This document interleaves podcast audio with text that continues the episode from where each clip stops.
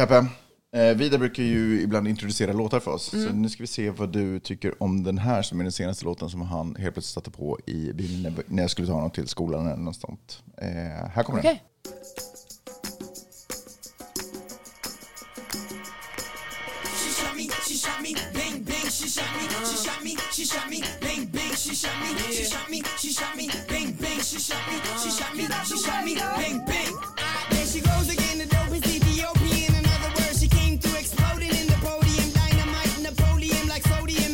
Vad säger du? Älskar den. Den är bra ju, eller hur? Ja. Bra vibe.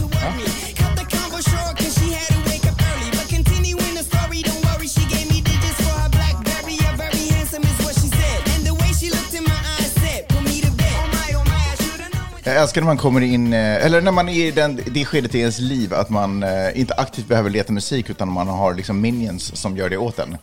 Här, du vad-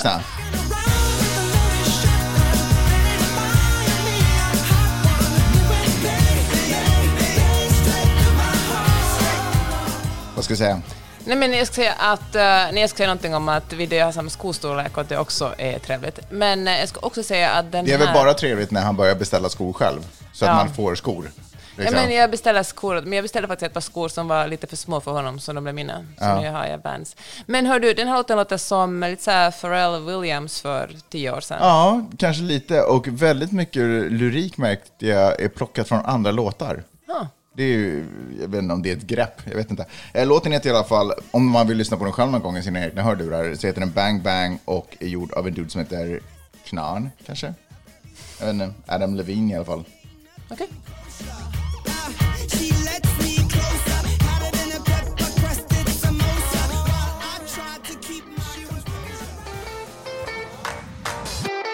Du lyssnar på Magnus och Peppes podcast.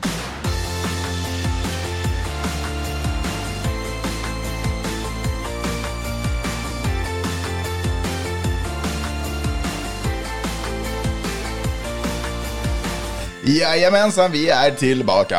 Magnus Peppers podcast, en podcast i, som pratar om stora och små händelser i världen. Och så gör vi helt enkelt bara det. Och jag heter Magnus Silvenius Öhman och bredvid mig sitter min ständiga co-host eh, Peppe, Jeanette Peppe Öhman.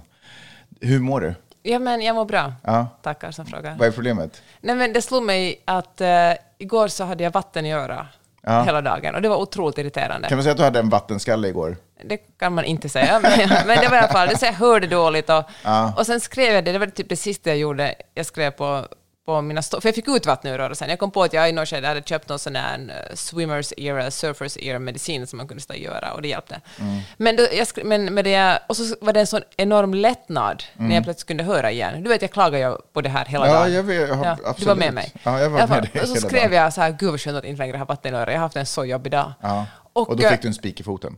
Nej, Nej. men, men så var det någon som, som i mina DM så var sådär liksom med hjärtan men ändå sådär boo fucking who, stackars stackars dig.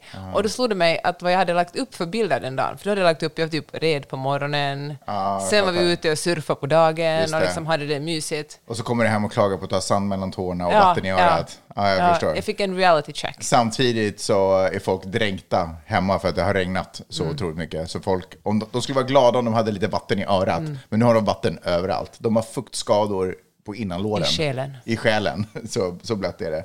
Ja, man får verkligen passa sig för vad man säger nu för tiden. Ja, Eller? tydligen kan man inte säga det längre i det här landet, att man har vatten att göra. Nej. Eh, nej, men du har ju surfat väldigt mycket på sista tiden. Du har ju blivit eh, vad man brukar i folkmun kalla för besatt. Eh, Ja, men- lite galen faktiskt. Nej, men när jag För- gillar någonting så gör jag det. Ja, Och då håller jag också fast vid det. tack för När den jag var passningen.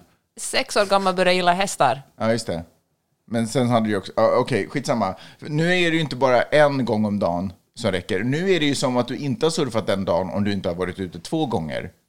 Ja, men man får passa på när, det, när det finns en chans till det. Min eh, kropp eh, lider. Jag har, det, jag har träningsverk överallt, hela tiden, konstant. Eh, och då sa du till mig, men du kan ju vila på förmiddagen. Man bara, det är inte så det funkar när man är liksom 700 år gammal. Då, liksom, jag längtar seriöst efter typ att dö, det är vad jag gör. Så att jag får, så min kropp kan få slappna av och, och bara njuta av stillheten. Nej, jag längtar inte efter att dö, man får inte, kanske inte skoja och sånt, jag ber om ursäkt för det. Men eh, hur har du haft det annars då, Beppe? Jag har ju varit borta, hur har det gått? Ja, men det gick faktiskt jättebra. Jag talade Det var ju rätt skitigt när jag kom hem, men annars så har det gått bra med barnen, eller? så dålig stil att säga sådär.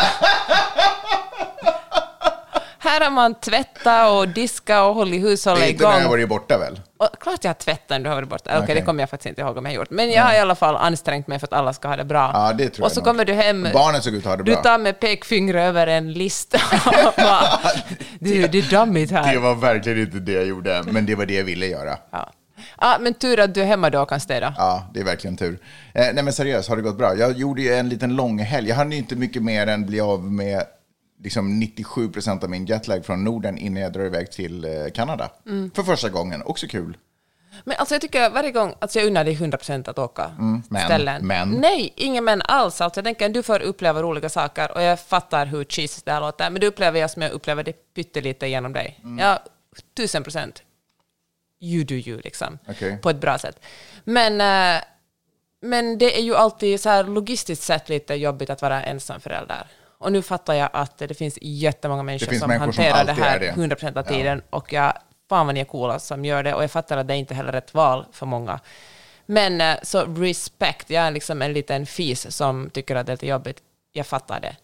Men vet du vad som är intressant? Och det här säger jag med full kärlek, Magnus. Nej. När du kommer hem så är det kanske, det kanske inte är superrent när du kommer hem. Nej. Men det är också mindre stökigt. För när du kommer hem så, så stökar du väldigt mycket. Ja. Du lämnar saker efter dig. Okej.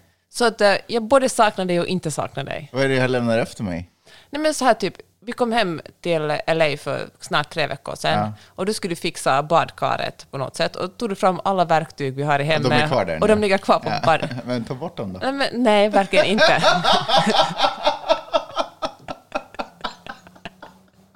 Istället ser jag dem varje gång jag kissar och tänker på att lämna kvar dem där. Ja, det är ju faktiskt jättekonstigt att de är kvar där.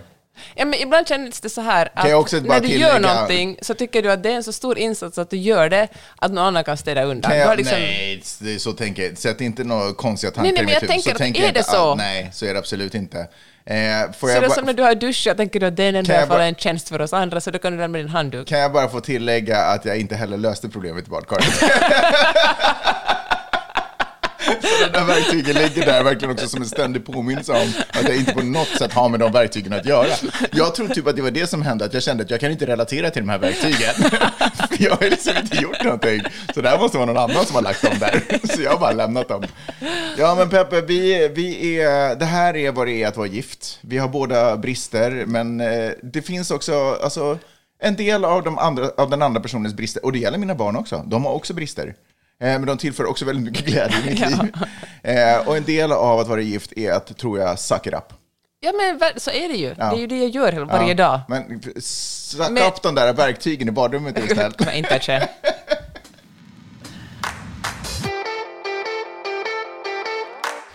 Vi har ju en pågående följetong i den här podden också som handlar om Peppes skriverier. Hur går det, i din, hur går det med din bok?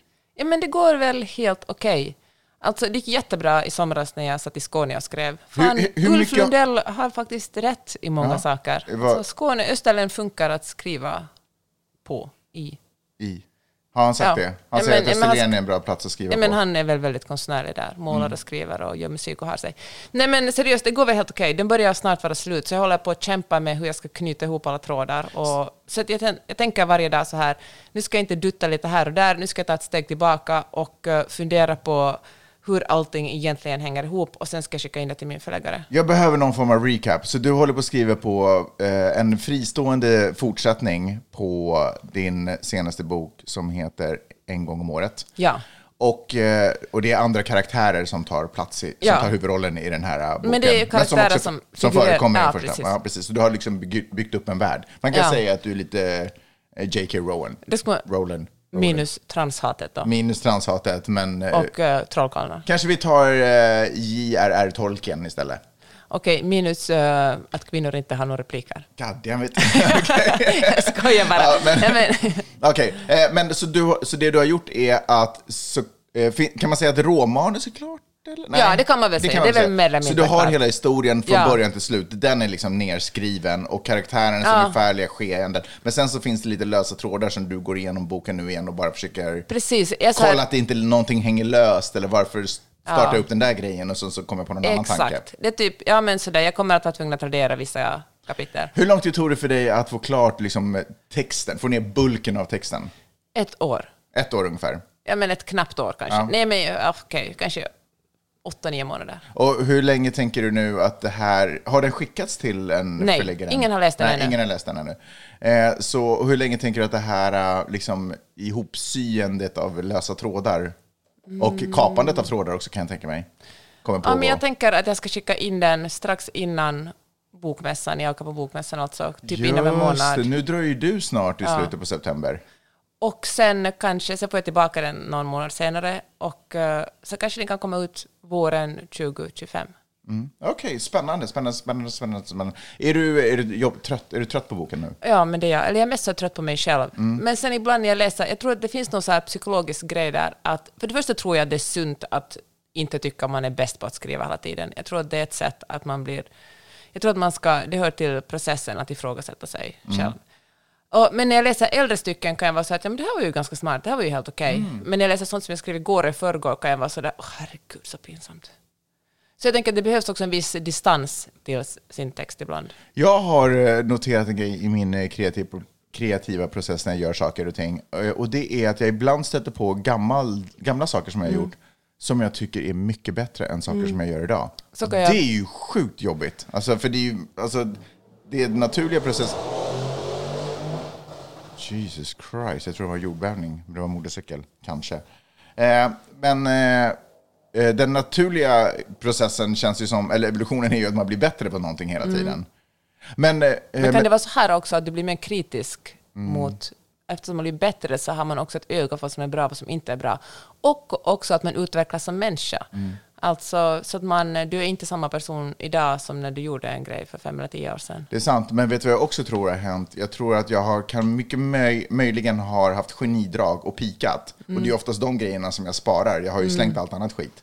Eh, men det jag har gjort är att jag har höjt min lägsta standard. Så den är way högre. Så nu skulle jag potentiellt kunna spara det mesta som jag gör, men jag ser inte de här pikarna på samma sätt. Förstår du vad jag menar? Så det har jag valt att lura mig själv med. Men det är bra, jag tror på att man ska lura sig själv lite då och då. Ja, jag tror också det. Men du, eh, du är inte nyfiken på att höra någonting om eh, vad för- eh, Vancouver eller något sånt, eller? Ja, berätta allt. Okej.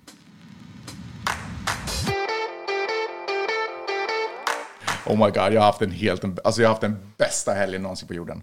Okej, jag, förs- jag försökte låta som, jag försökte... Du försökte låta som det här är din och och Rebecca Stellas podd. Det var jättekonstigt.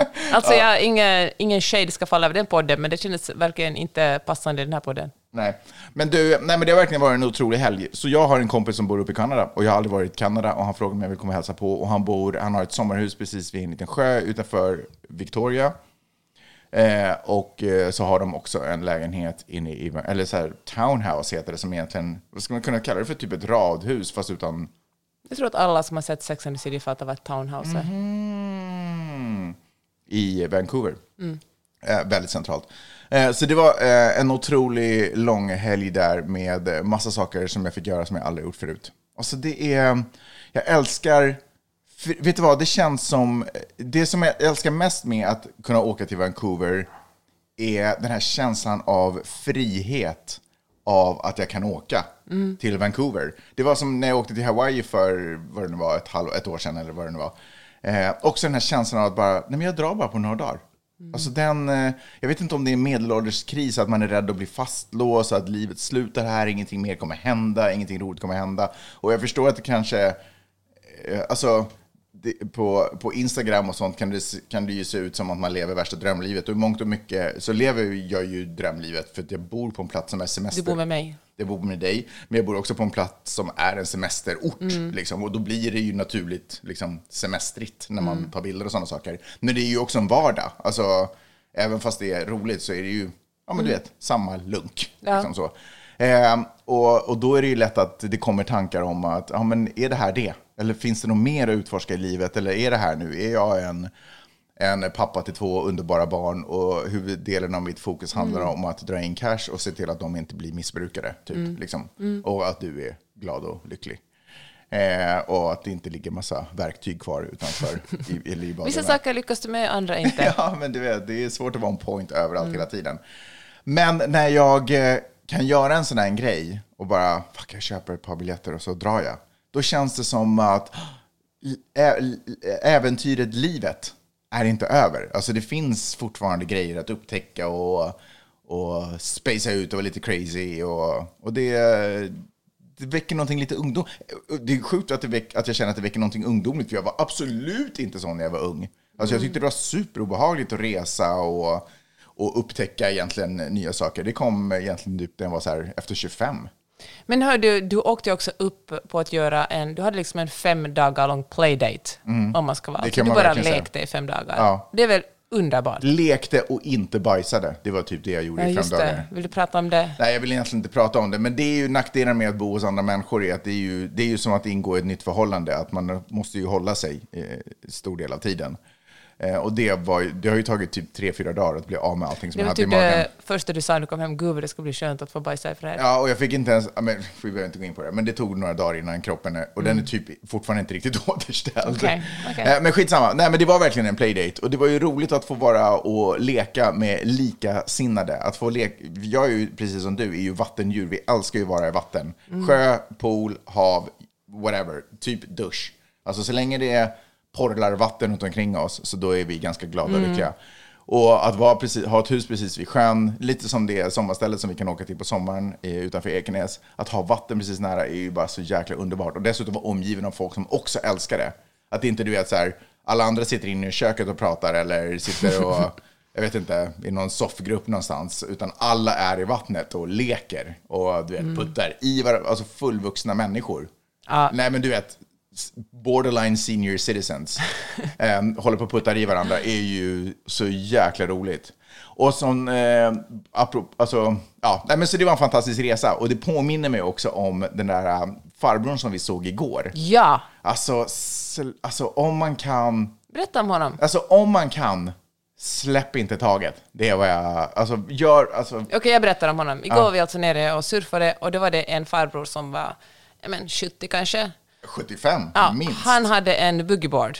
Och, eh, han, och han liksom åkte i vågorna och han liksom, man kunde nästan höra honom skratta högt. Alltså hela hans ansikte var ett enda stort leende. Han gick inte ut till de största vågorna, utan han tog det här lilla skummet som kom, ännu en bit ut, och så la han sig på sin, han väntade in det, och så la han sig på sin boogieboard, och så åkte han in med ett brett leende på läpparna. Och han tittade, jo det hade han. Ja, men du sa bara exakt det jag just sa. Du gjorde en sån här snubbig grej. ja men jag, ville, jag sa det inte för att jag ville att du lyssnar på mig nu, utan jag sa det för att emphasize det du sa. Alltså Mm. Okej. jag, jag, det här var en understryk, jag gjorde det du sa till bold. Du boldade den. Jag boldade den. Jag la Med din samma- manliga röst. Ja, exakt. Eh, och han, du vet, när han också gled in till sen så tittade han upp mot oss på stranden och liksom sådär, såg du det här? Typ den känslan. Ja. Alltså, det enda jag typ kunde hoppa, eller önska för honom det är att han hade någon kompis med sig. Det är det enda som Mm. Fan, vi liksom borde ha gått ut med honom. åkte med honom. Ja. Men vi hade inga boogieboards. Nej. Ja. Nej, men Ja, ja. verkligen. Alltså, Goals. alltså, håll äventyret vid liv. Håll äventyret vid liv.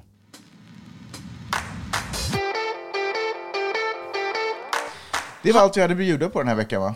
Nej. Nej. Har du hört talas om kundvagnsteorin? Kundvagnsteorin, nej? Vad är det? Okej, den skriver jag om i senaste nyhetsbrevet. Så Oh, vill du tipsa om var man hittar den?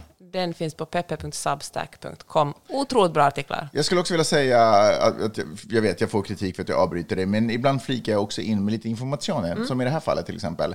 Att eh, eh, prenumerera på Peppes nyhetsbrev, eh, peppe.substack.com, är ett underbart, ett otroligt sätt att tillgör, eh, tillgodogöra sig information om eh, vad som händer runt omkring dig och lite analyser. Peppa har valt de bästa artiklarna, de viktigaste artiklarna, de mest intressanta artiklarna och ni kan lita på innehållet, framför allt. Ni kan lita på innehållet och ni vet vad det är värt i en tid som denna med AI och allt möjligt där allting kan manipuleras. Så lita på Peppes innehåll och gå in och prenumerera. Jag ska också tillägga en sak. Att prenumerera på Peppes eh, Substack som, äh, nyhetsbrev som kostar 5 dollar i månaden är också ett fantastiskt sätt, och jag kan inte understryka det nog. Eh, Du, uh, bolda det här jag sa, ett fantastiskt Mm. Ett sätt fantastiskt sätt. att stödja den här podden också. Ja. Så gå in och prenumerera på brevet, då får ni också ett extra, ni får extra lite extra material om ni betalar för det. Så gör det, peppe.substack.com. Eh, varsågoda. Tack. The shopping cart theory handlar om att eh, man kan, det är ett test på om du är en god person eller inte. Är du en, visste du förresten att, att, jag kan ju berätta lite bakgrund, kundvagnen upp, uppfanns på 30-talet. Oj, Innan dess så gick man i butiken och bara lade, höll i liksom varorna. Så Hade det de så- ingen korg då? Nej, inte ens det. Man bara gick och bar på. Sen kom uh, shoppingcarten, sen kom korgen. Enligt min... Ja. Och... eh, Enligt din research. Enligt Ska du nu research. sabba hela din... åh, hela mitt, herregud, ja. Vad du ställde den där frågan. Ja. Men hur som helst. ingen bad dig ens komma med bakgrund. Vi vill veta vad shopping cart theory är. Okej, men jag tycker det är superintressant för att genast när eh, affärerna börjar introducera kundvagnar så börjar folk köpa jättemycket mera grejer. Mm, förstås. Och det var ju bara därför man introducerade dem. Tror du det? Ja, såklart. Det var en snubbe som hette Sylvan Goldman som eh, hittade på dem. Mm. Hur som helst.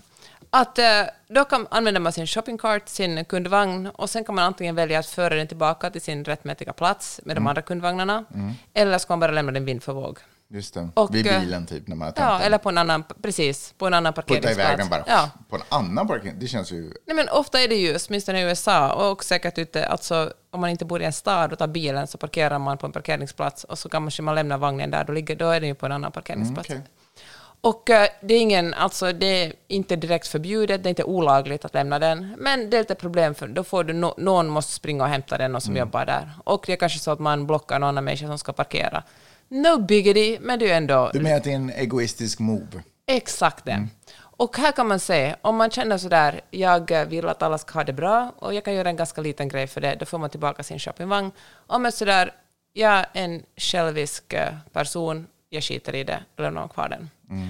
Och det har gjorts flera experiment på det här som eh, obehagligt mycket, äh, inte obehagligt, men som faktiskt handlar lite om den här eh, Rudy Giulianis broken windows-teori på 80-talet, som du kanske minns. Eh, Ja, du måste nästan refresha. Ja, men det handlar om det här. Han hade sån här nolltolerans mot minsta alla brott. Så att om det fanns en, en eh, trasig... Just det, så ska det fixas direkt. Ja, för att om man, om man lever liksom i en omgivning där det är mycket trasigt, då blir man själv mer slarvig och liksom behandlar det... Graffiti på väggarna tvättades bort direkt. Exakt. Och just sådana här test gjorde man som, som, som hänger ihop med både broken windows och eh, kundvagnarna. Om man, man hade liksom cyklar parkerade i en gränd och så var det någon som gick och satt- la så här flygblad på de här cyklarna, eller knöt fast dem i styret.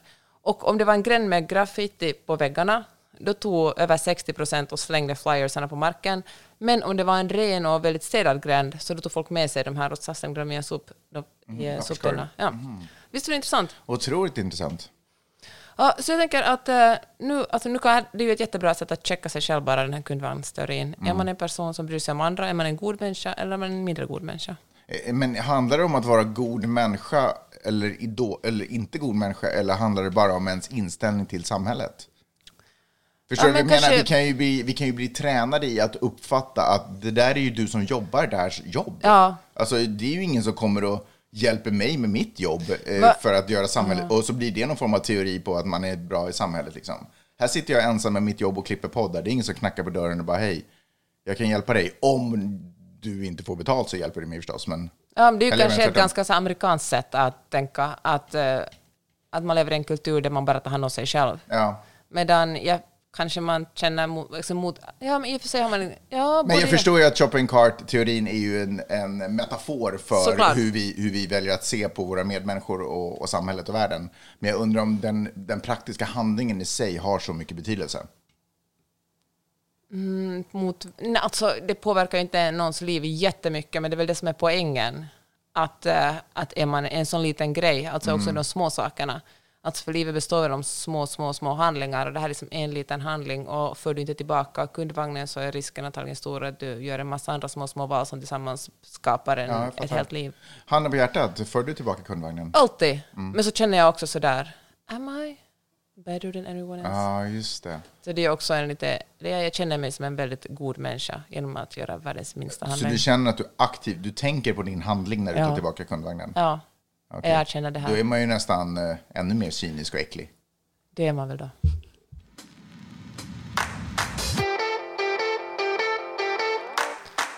Hörru, eh, bränderna på Maui har vi ju inte pratat om. Eh, sprids ju otroligt mycket konspirationsteorier om vad det eh, vad egentligen, inte vad som möjligen kanske har orsakat branden, alltså vad som har startat branden, men vad som är orsaken till bränderna. Eh, folk har eh, på sociala medier poängterat väldigt mycket intressanta saker som jag tänkte lite bolla med dig, Ja. Peppe. Bara kolla lite vad du känner.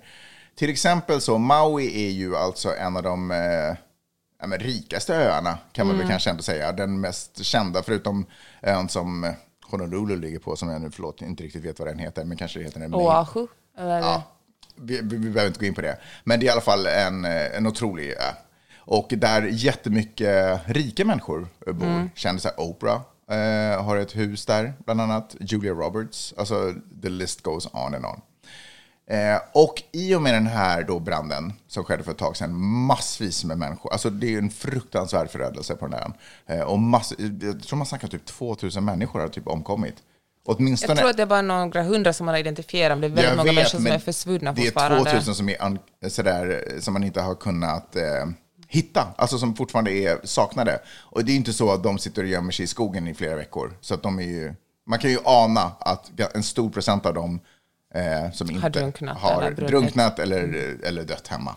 Fruktansvärt, fruktansvärt, fruktansvärt. Men det man kan konstatera är att ingen av de här lyxvillorna verkar ha eh, berörts av elden. Utan det är bara, eller det är ganska mycket centrerat runt den gamla staden som har funnits. Där du, jag vet inte om du kommer ihåg, du och jag har ju faktiskt gått där, eller varit där. Ja. Eh, där det också finns en park med sådana här gamla, stora, fina, jag vet inte, mangrove-träsk-inspirerade träd. Liksom. Eh, kommer du ihåg att jag gick där under och så bara, skulle vi gå och köpa glass efter, så bara, Ja. vad har du på din t-shirt? Och så var det fullt Just med det. fågelbajs, därför att det satt massa fåglar. Nu kommer jag ihåg det. Där stod jag och betraktade de här underbara träden och samtidigt så håller fågeln Var du en toalett? ja, så bajsar fåglarna ner mig som fan. Skitsamma. Eh, ja, i alla fall. Eh, sen eh, andra saker som, eh, bara så det är mystiskt att inte de här, någon av de lyxvillorna har touchats. Får jag säga en sak om det? Ja. Alltså, tanken med, så gäller, det gäller ju också Kalifornien när det kommer till liksom översvämningar och jordbävningar. Det är ju hus som är ordentligt byggda, som är dyra och fina, som har liksom skydd som inte brinner ner eller drabbas lika mycket av jordbävningar. Mm. Det är ju hus som är billigare och slarvigt byggda som oftast utsätts mest för Det finns ju konspirationsteorier om varför de aldrig brinner ner i, US, i Kalifornien också, om vi ska vara helt ärliga. Mm.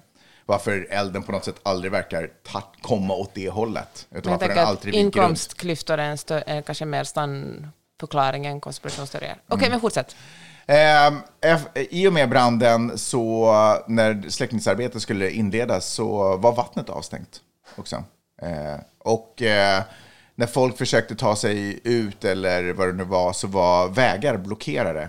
För att då var det någon som höll på att bygga någonting, eller skulle göra någonting på någon elstolpe, eller tusan det var. Men vem skulle gynnas av att folk brinner upp liksom? Ehm, ja, okej. Och det precis. Det leder ju till frågan, om det är anlagt, varför skulle det vara anlagt? Och då lär det ska vara så att det har funnits en, dra- en dröm och en tanke om att det här området som brann upp, som egentligen har bestått av ganska gamla hus, eh, i ganska dåligt skick, och en ganska bra, fin och central del av Maui, att, det här, att man skulle vilja rensa ut det. det har gått, man har försökt köpa upp de här husen, men folk har inte velat sälja för det finns långa traditioner och långa anor där. Eh, och då har man, eh, för att man vill rusta upp det, man vill göra det snyggare, kanske ha lite dyrare hus, kanske göra det lite mer till, tillgängligt för miljonärer eh, och turister och sånt. Och det är ju kanske inte någonting som nödvändigtvis gynnar lokalbefolkningen. Men, eh, men att det skulle vara anledningen till att nu har de inget val, nu måste eh, det här rustas upp. Ska min reaktion nu komma? Ja. Alltså jag tänker så här att folk gör vad som helst för att inte ta klimatkrisen på allvar och förstå att det är människans fel att saker och ting brinner upp och att vi har jättestarka orkaner och översvämningar. Och jag tycker det är borderline oansvarigt av oss att ens prata om konspirationsteorier i den här podden utan att vara väldigt tydliga med att eh, det är konspirationsteorier. Alltså alla älskar ju en bra konspirationsteori, men man får se det som underhållning, inte fakta. Mm. Man älskar ju också kampen de rika mot de fattiga. Verkligen, men det finns faktiskt andra sätt att lösa det och det är att jämna ut inkomsterna, inte att sprida konspirationsteorier. Så jag kan anta att det här är inte sant, det som jag säger. Men alltså det faller inte i god jord i den här eh, podden. Nej. Alltså, så här säger jag, det finns säkert en konspirationsteori bland tusen som faktiskt stämmer. Britney Spears. Men, eh, men jag menar, de allra, allra, allra flesta är just det, bara konspirationsteorier. Folk, teorier, folk som vill ha liksom lite traction på sociala medier och sprider ut någonting, för de vet att det finns en massa foliehattar som älskar att dyka ner i sånt. Och klimatförnekare. Folk som kanske inte vill uttala så här rakt ut att de är klim- klimatförnekare, men det är skönt om det inte handlar om, om klimatkrisen, utan att det är onda, rika människor. Nu säger jag inte att rika människor inte är onda bara för att de inte har annat bränder, men du fattar vad jag menar.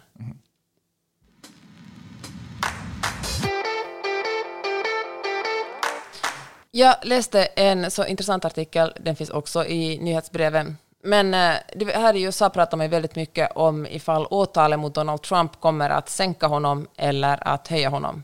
Och eh, han har ju sålt, han, det har gått ganska bra just nu för hans kampanj eftersom han sålt en massa t-shirts med, med sin mugshot-bild. Var det du som sa att, att du funderade på hur mycket han hade övat framför spegeln och funderade på exakt vilken min han skulle ha på den här mugshoten som spreds runt över hela världen? Jag tror inte det har kommit ut från mina läppar, men jag har 100% tänkt på det. Så det är Ja. kul att du kan läsa mina tankar. Ja, men det, efter Också många- obehagligt. Men alltså det, så det är ingen slump att han såg ut som han såg ut. Nej. Alltså det var Vad tycker du? Vad ger du hans min? Ja, men jag tror att den- ett av tio, skala 1 till 10. Alltså mot hans målgrupp, jag tycker den var töntig. Men alltså hans målgrupp kommer ju att sluka den. Det är ju Mm. exakt vad de vill ha. En hård och bister och liksom tuff ex-president, eller Mm. för dem kanske president. Och eh, de har ju som sagt sålts på merch hur mycket som helst. Och eh, det har kommit in en massa pengar till hans kampanj. Eller hans kampanj inom stationstecken, i praktiken är det ju hans eh, legal fees, alltså hans ko- advokatkostnader. För det kostar ju otroligt mycket pengar att ha så många advokater och vara med i så många brottsmål som han är. Han hade ju ett helt gäng som, det var ju inte bara han som arresterades, eh, arresterades i samband med det här, utan jag vet inte hur många det var, 18. 13, 18 pers. Ja, men precis. Eh, en av dem eh, fuckade ju verkligen upp sin mugshot och, och log lite. Mm. Alltså tänkte att det här är en vanlig foto-up. Ja, det var som en selfie nästan. Ja, okej. Ja, nej, men han har tjänat pengar. Ja. Och, eh, och eh, då var det den här artikeln som jag läste, här drog slutsatsen att eh, det här åtalet mot honom, det är ju egentligen hans presidentkampanj. Just det. Alltså hela, allt det här kommer han att vrida som en del av hans kampanj. Alltså och de som är på hans sida, de hängivna Trump-fantasterna, de kommer inte att, uh, yes, de kommer liksom att älska honom mer och stå ännu mer på hans sida. Men blir de fler är väl frågan? Det är just det, för det blir de faktiskt inte. Jag läste en, en undersökning från Pew Research Center där det stod att eh, den gruppen republikaner som inte gillar honom speciellt mycket, den växer hela tiden. Inte snabbt, men den, det är en kurva som stiger uppåt. Medan de som gillar honom sjunker lite. Men ungefär 36 procent av republikanerna är hardcore Trump-fans. Och det betyder inte att alla andra republikaner plötsligt kommer att vända om och rösta på Demokraterna.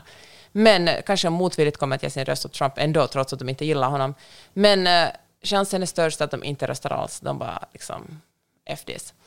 Och, eh, om, och det som är både, det som vi också talade om på den tidigare, men som är lite roligt, är att många andra republikanska, Nikki Haley till exempel, som en presidentkandidat, eller mm fan, Ron DeSantis vet jag inte, men den här Vivek Ramas, Ramaswamy som gjorde succé i den första eh, debatten. Om någon av dem ställde upp mot Biden, då hade det verkligen varit, då hade det liksom blivit lite hett kring öronen för Demokraterna. Alltså succé i bemärkelsen av att han fick jättemycket uppmärksamhet för. Ja. Han fick ju inte bara kärlek om vi säger så. För den. Nej, Det- men han fick tror jag kärlek nog från hans väljarkår, de som gillar Ja. någon som så att säga citationstecken han är säger inte som en det stor är. kandidat trots allt. Nej, men han har verkligen potential. Han är ju liksom en Trump 2.0. Det som vi trodde att Ron DeSantis var, men Mm. Ron DeSantis visar sig ha, herregud, noll, alltså han har minussidan karisma. Vad är, han är liksom anti-race, skulle vi säga. Ja. Men, men, eh, men Vivek Ramaswamy, han har ju liksom lite, alltså han har ju lite charm. Alltså han är ju en vidrig person. Han tror ju inte på klimat, att människan är orsak till klimatkrisen. Han tror inte att kvinnor ska bestämma över sina egna kroppar och så vidare. Och så vidare. Men, eh, men han, jag tror att han ska vara ett mycket, mycket större hot mot Biden. Och samma sak, Nikki Haley ska också vara ett mycket större hot mot Biden. Men eftersom Trump vill benåda sig själv i de eh, brottsmålen han kan benåda sig själv i, alltså de federala, och eftersom han bara är maktgalen som så många andra amerikanska politiker, så får bara republikanerna stå ut med honom med sin president, som sin presidentkandidat. Så jag tror att demokraterna är jätteglada över det. Ja. Ja, det var det jag skulle säga om den saken. Ja, men, eh, det, men, men det är fortfarande, de kommer ju stå mot Biden. Och jag tänker att Bidens... Det, alltså det ser ju inte bättre ut för Biden. Han blir ju inte yngre, han eftersom den här turen pågår på, republika, på, på republikanernas sida. Eh, och folk är verkligen jätte, jättetrötta på honom. Eh, så, och det tycker jag också är sjukt ledsamt, att man inte jobbar på Demokraternas sida också, att försöka hitta någon men jag lite tror de tyngre gör motpol. det. Men alltså Biden För har jag ju... känner nästan snart i min situation där vem som helst som ställer upp på Republikanernas sida kommer vinna över Biden. Tror du det? Nästan. Det är väldigt många demokrater som inte ens vill, alltså ingen är nöjd. för- Nu, står- nu är jag här igen en Biden, men alltså, jag fattar att han är 700 år gammal. Mm. Han är jätte, han ser gammal ut. Och det, men, men han har gjort extremt mycket för USA. Alltså, han har ju verkligen eh, Absolut. fattat beslut som handlar om klimat, som handlar om att minska inkomstskillnaderna, som handlar liksom om om han jobbar för abort, alltså verkligen uttala sig. Han, Jag förstår, men inget av det där är ju... Alltså, ekonomin går jättemycket bättre, arbetslösheten är på rekordlåga nivåer, Verkligen. USA har ju faktiskt verkligen inflationen bättre än Europa. Precis, USA har ju verkligen lyckats med konststycket att dels få folk att spendera pengar men ändå hålla inflation, ändå lyckas sänka Ja. inflationen. Eh, vilket är ett konststycke, för det är ju... Det borde inte ens vara möjligt. Nej, det är ju basically en, en liksom, eh, vad heter det, nationalekonomisk omöjlighet. Mm. Ja, om man nu kan uttrycka det sig på det sättet. Men vi vet ju också att president, alltså amerikansk politik, eh, är, alltså allting i det här samhället är ju väldigt mycket underhållning. Det är det det Mm. handlar om. Alltså hur, hur kommer man ut genom tv-rutan? Det är därför den här personen som du sa, som jag inte kommer ihåg namnet på. Vivek Ramaswamy. Ja, gud vad du har pluggat det där namnet. Men gud, jag, därför- Magnus, får jag bara säga, vi har talat om det här namnet i många veckor Ja, innan. men jag, anyways.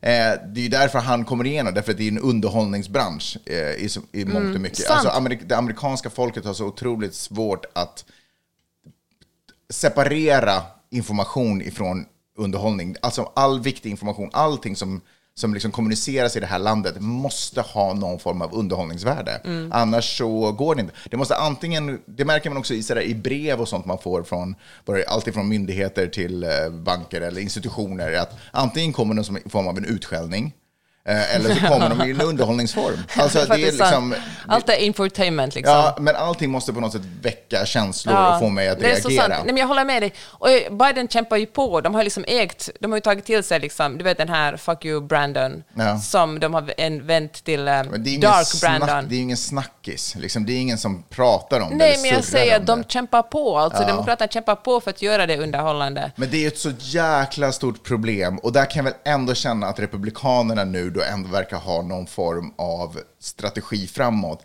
Det finns ingen föryngringsprocess i Demokraterna. Alltså de har, Mm. kämpar så otroligt... Pete Buttigieg finns där. Alltså, Ja, men det är bara... Jo, jag vet, men alla de här föryngringsprocesser... Så här, det finns ingen lugn och trygg och stabil föryngringsprocess. De föryng, den föryngringsprocessen som finns kommer alltid med ett svårsmält piller för det amerikanska folket. Eh, Pete, dessvärre gay, alltså för Så du säger, det är väl en jättebra sak. Jo, men förstår du, jag pratar inte om vad jag själv tycker Nej, om jag gay-människor. Jag pratar om hans mottaglighetspotential i den Jag menar amerikanska att publiken. republikanerna har ett gäng rasister och kvinnohatare Ja, som, de är faller gott- unga. som, som är unga dessutom och därför kommer de att fortsätta bygga på republikanernas... Nej, men eh, Republikanerna har väljare. ett gäng unga, norma, inom citationstecken, liksom... eh, Nej men normala är de Nej, väl men, verkligen. herregud, kan du ens försöka förstå vad jag säger? Att, som faller in i republikanernas liksom, Ja, ja, linje. ja, jag förstår det. Eh, De här, den här yng- föryngringsprocessen faller ju inte in i det, liksom, det traditionella demokratiska partiet. Förstår du vad jag menar? De är antingen, uppfattas antingen vara väldigt mycket vänster, eller så är det någonting annat, typ de är kvinna eller de är gay, som gör att det inte heller kommer funka. Liksom, de har ingen, de har ingen eh, mainstream föryngringsprocess. Som jag tror folk ändå söker. Jag tror folk kanske... Nej, men jag, tror, att det jag finns menar Ron DeSantis, var han 45? Han är också ung. Vi verkar liksom i 38-39. Jag Precis. hör dig, Nikki Haley knappt 50. Ja. Eller nej, drygt 50. Så de går att jobba med ganska Mm. lång tid framöver. Och jag tycker att det är synd att, det liksom inte, att man inte har jobbat hårdare på att ha en Mm. föryngringsprocess. För de börjar se jävligt gamla ut allihopa. Inte för, alltså, de ser gamla ut i Republikanerna också, Mm. vilket leder mig till eh, Mitch McConnell. Nej, vänta, får jag, säga, får jag Ja. nu komma som ett exempel på, för att uh, Vivek Ramaswamy, Ramaswamy var ju, han är ju, han har sjungit mycket, han har rappat i Eminems Lose Yourself. Ja. Och nu har Eminem hatar ju det såklart eftersom han absolut inte är republikan. Mm. Och kan inte jag få spela upp lite hur det låter? Eminem har ju förbjudit honom Ja, för att... eh, gärna. Kör.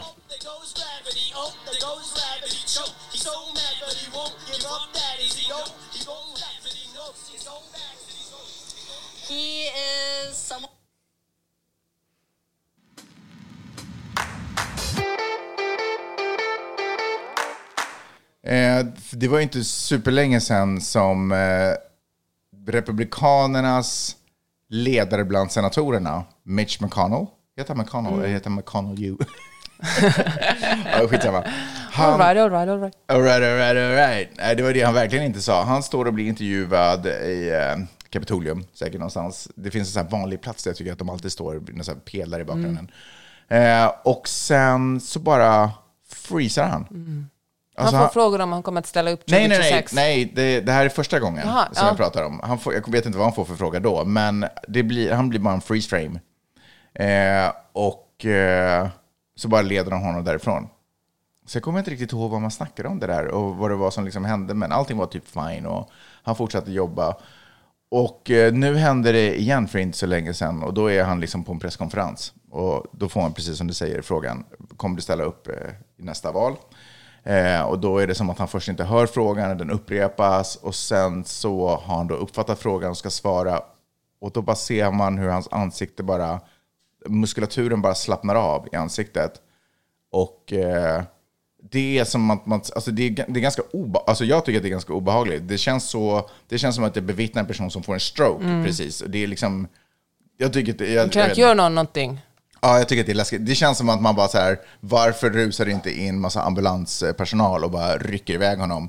Men istället så har folk, så här, hans, hans team är så där, är, är du nöjd? Så här, ska vi gå, är vi klara med de här frågorna nu? Han bara, nej, nej, nej, så här, jag, jag är fine, men han är uppenbarligen inte fine. Liksom.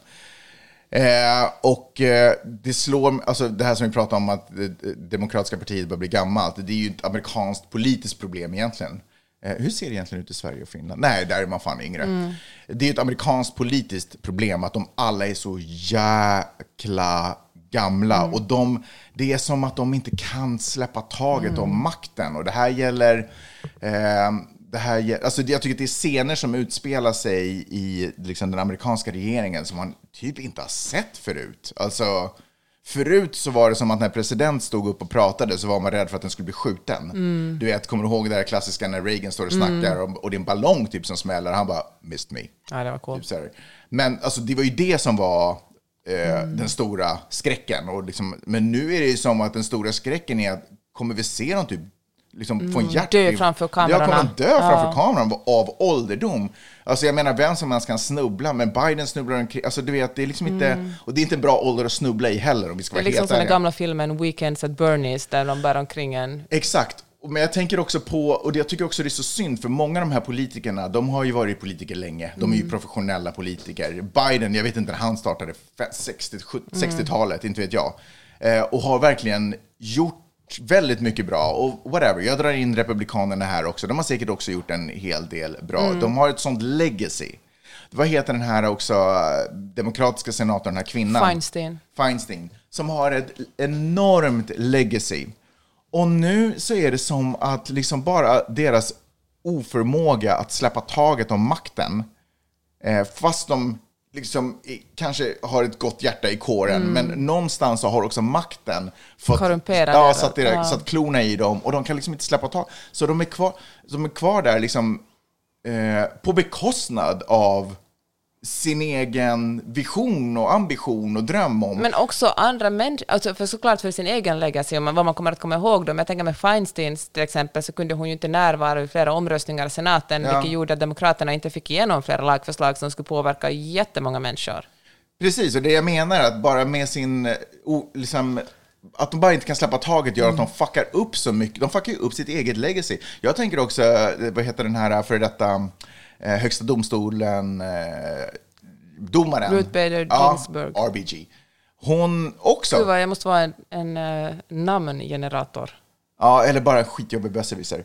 Eh, hon kunde ju också liksom ha släppt taget om den, om den tjänsten innan hon dog och förhindrat att republikanerna skulle... Du vet, man bara, varför fuck, vad gör ni? Och så, det var en annan snubbe som, som också höll på att coola vippen, eller jag menar, det höll, man, höll han kanske inte på, men som verkligen började komma upp i åren, så folk bara, som var En liberal högsta domare. en ja, liberal, som steg äh, förlåt, ja. jag sa demokratisk, men det var ju, de är ju inte liksom politiskt så. Nej. Men, men en liberal högsta domstolen, eh, precis, eh, domare, som man också var så här, eh, det skulle vara bra. Mm. Och lyckligtvis så steppar han ju ner så att Demokraterna har möjlighet att liksom Mm. lägga in en, en ny domare där. Men jag tycker bara det är så otroligt...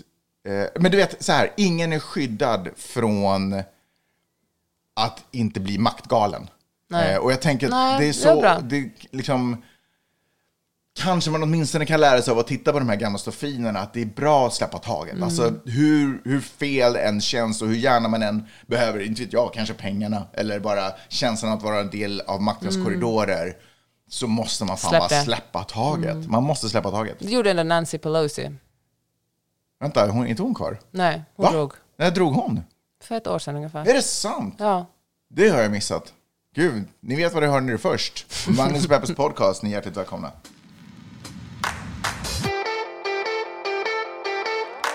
För jag kommer en grej till. Svenska Dagbladet, som jag läser och tycker är bra. Mycket bra kulturreportage och så vidare. Så vidare.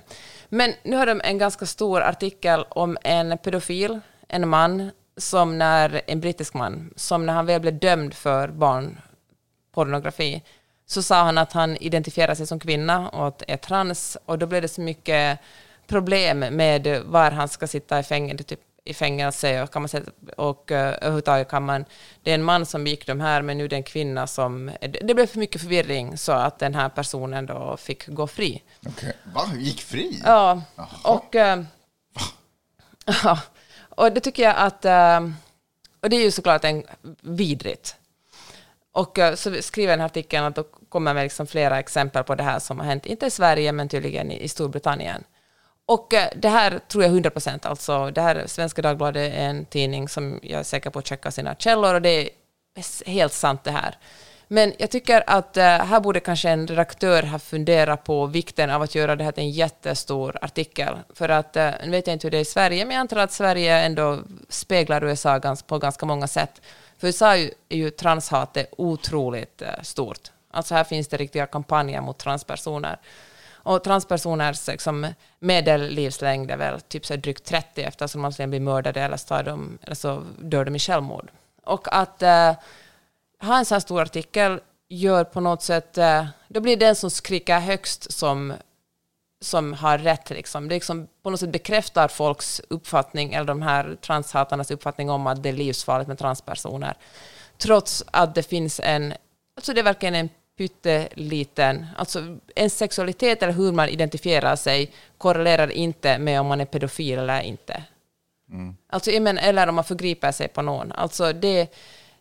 Men jag tänker att de som spekar på transhatet på det här sättet, det är som att säga som för liksom 20-30 år sedan, och säkert fort- och fortfarande i USA, att liksom folk som är gay också är, har större liksom, en risk, kan inte umgås med barn Men eftersom hur de borde är man, pedofiler. jag, jag fattar, men hur borde man ha gjort, eh, hur borde man ha löst, borde man inte ha rapporterat om det här eller skrivit om det här? Alltså, kanske man kunde det är ju lite- anmärkningsvärt, det får man väl ändå säga. Verkligen, men kanske man kan ha en lite mindre notis om det. Eller så kanske man väger upp det med att skriva så här, hur det är, skriva mer om transpersoner, väga upp det med en, en, annan, liksom en artikel om hur eh, diskriminerade transpersoner är, hur, det, hur vanligt det är att, de, att många transpersoner dör väldigt unga och på något sätt förklara det, ja men också ha den sidan, för just nu känner jag att nu kastar man bara mer alltså bränsle på folk som hatar transpersoner, eller folk som inte är liksom cis. Men jag känner att det finns mycket, mycket, mycket, mycket mer information att tillgå där. Alltså det, det kan ju inte bara handla om en pedofil, Eh, en manlig, inom situationstecken pedofil, eh, som hamnar i rätten, claimar sig vara kvinna och blir frikänd för att de blir- förvirrade i rätten. Det kan ju inte vara all fakta där. Det kan ju inte vara det som har lett fram till att han frikändes. Så, alltså, här, så sent som i juli var det en annan pedofil, en 66-årig transkvinna som slapp det årslånga, också med ett årslångt fängelsestraff, hen dömts till eftersom det inte kunde avgöras om straffet skulle sittas av i en anstalt för män eller kvinnor.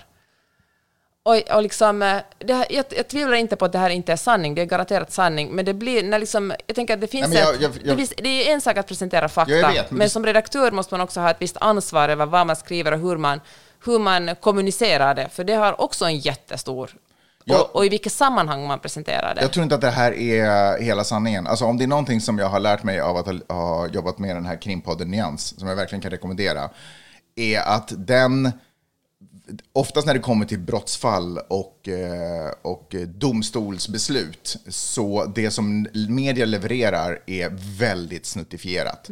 Det finns oftast en större eh, utläggning och en större förklaring till varför vilket beslut det nu än har varit som man har kommit fram till.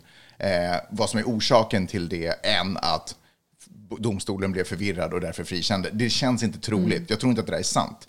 Jag tror att det där är faktiskt ganska... Jag tror att det där är En grov förenkling som gjort det en fel. fruktansvärd eh, grov förenkling eh, av journalisten som Mm. inte kanske haft möjlighet eller kapacitet, tid, ork eller whatever, kunskap att gå djupare in i vad som egentligen har orsakat det här och inte har kunnat måla upp en större och bredare bild av det här.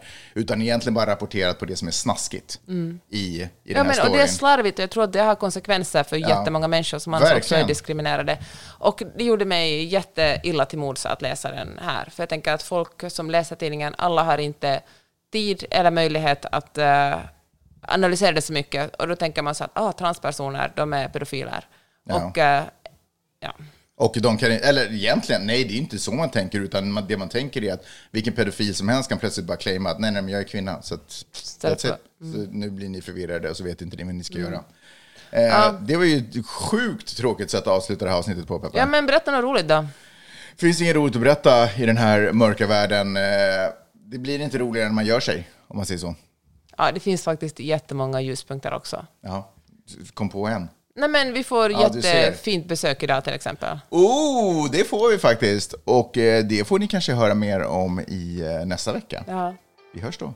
Hej då! Hej då!